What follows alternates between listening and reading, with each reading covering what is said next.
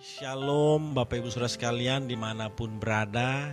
Hari ini kita akan baca Lukas 10 ayat 13 sampai 16 Nah kenapa sampai Tuhan Yesus mengatakan celaka kepada beberapa tempat ini? Bukan hanya celaka, menurut saya sangat sial sekali Bapak Ibu Saudara. Nah kenapa sampai Tuhan Yesus mengatakan demikian? Karena jelas mereka menolak mereka dengan sengaja, dengan niatnya, dengan pilihannya, dengan kehendaknya menolak para murid yang memberitakan kebenaran, menolak Yesus yang sama dengan menolak Allah. Ini celaka sial sekali Bapak Ibu. Nah Bapak Ibu Saudara mendengarkan ini penting sekali. Ya mungkin Tirus dan Sidon merupakan satu tempat yang mereka mendengar berita kebenaran, mendengar apa yang eh, disampaikan. Ya banyak orang hanya mendengar tapi tidak sungguh-sungguh mendengar. Antara hearing dan listening itu berbeda kalau dalam bahasa Inggris Bapak Ibu.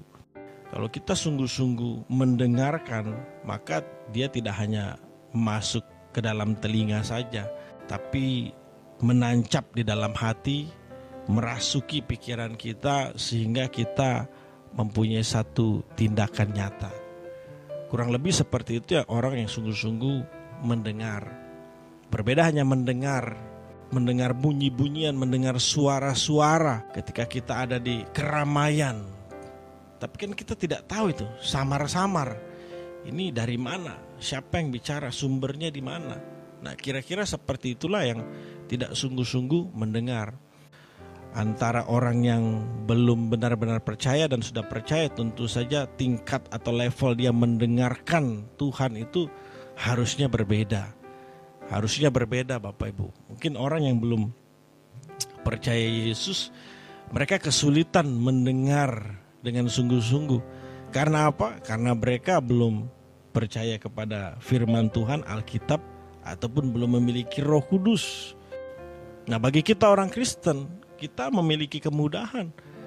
Lebih mudah sebenarnya untuk kita sungguh-sungguh mendengar karena kita setiap hari baca firman, ada Roh Kudus yang menuntun kita. Maka dari itu Bapak Ibu Saudara melalui renungan ini sebenarnya kecaman Yesus kepada beberapa kota ini saya yakin menjadi peringatan juga bagi kita semua bahwa kecaman ini masih bisa berlaku bagi kita orang percaya yang tidak sungguh mendengarkan aku. Dan kalau tidak sungguh mendengarkan, jelas sama dengan menolak. Dan kalau dia menolak Tuhan, sama dengan dia menolak yang mengutus yaitu Bapa di surga.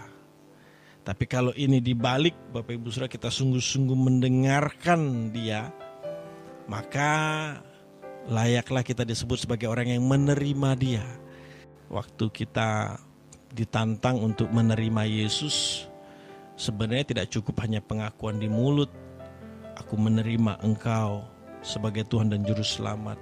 Aku menerima Engkau dan memberi diri dibaptis. Sebenarnya tidak hanya cukup sampai di situ, Bapak Ibu. Tapi menerima itu diawali dari sungguh-sungguh mendengarkan, lalu masuk ke dalam telinga, tertancap di dalam hati, merasuki pikiran sampai kita bisa do something yang nyata Nah itu baru menerima Yesus, menerima perkataannya. Karena itu setiap hari buka hati pikiran kita untuk mendengarkan dengan sungguh-sungguh. Not just hearing, but listening. Tidak hanya dengar tapi sungguh-sungguh mendengarkan. Demikian rema kebenaran firman Tuhan. Tuhan Yesus mengasihi kita semua. Shalom.